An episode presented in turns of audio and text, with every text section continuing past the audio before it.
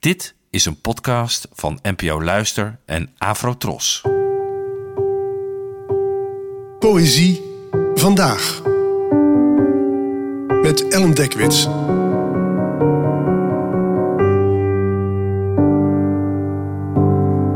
Hallo, fijn dat je luistert.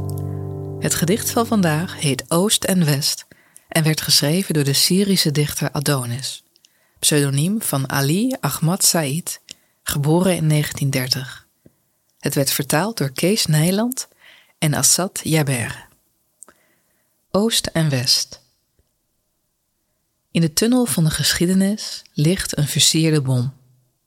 Een vergiftigde koopman zingt voor zijn met olie vergiftigde kind. Het oosten vraagt als een kind, schreeuwt, en het westen is de onfeilbare meester. De kaart is veranderd. De wereld brandt.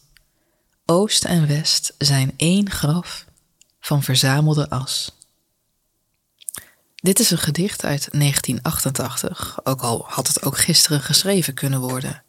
Er is immers nog steeds spanning tussen Oost en West. En kinderen worden, zoals Adonis schrijft, nog steeds met onder meer olie vergiftigd. Dit vers plaatst Oost en West tegenover elkaar. Er is sprake van een machtsverhouding. Hier vraagt het Oosten als een kind en is het Westen de, volgens Adonis dan, onfeilbare meester. Het gedicht opent met de mededeling dat de geschiedenis een tunnel heeft. En dat is een raadselachtig beeld. Wil dat zeggen dat er ondergronds van alles gebeurt?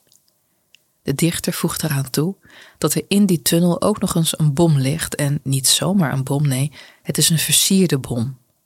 Misschien om af te leiden van de explosieve inhoud. Iets wordt immers vaak versierd om het aantrekkelijker te maken, feestelijker, maar ja, onder de versiering en alle tierlantijntjes is een bom natuurlijk ook nog steeds een explosief, dat de geschiedenis van onderuit kan opblazen en zo verhalen, ordes en structuren kan veranderen. Tegen het einde van dit gedicht brandt de hele wereld. Het is niet zeker of de brand werd veroorzaakt door die ene bom, de giftige olie of de scheve machtsverhouding tussen twee werelddelen. Oost en West staan in het slot tenminste niet meer tegenover elkaar. Ze zijn hetzelfde geworden. Eén groot graf van verzamelde as. Daar besluit Adonis zijn vers, dat me de nodige kippenvel bezorgt. Want het gedicht is weliswaar afgerond, maar de problematiek die het aansnijdt, niet. Bedankt voor het luisteren en tot de volgende keer. Afro Tros, de omroep voor ons.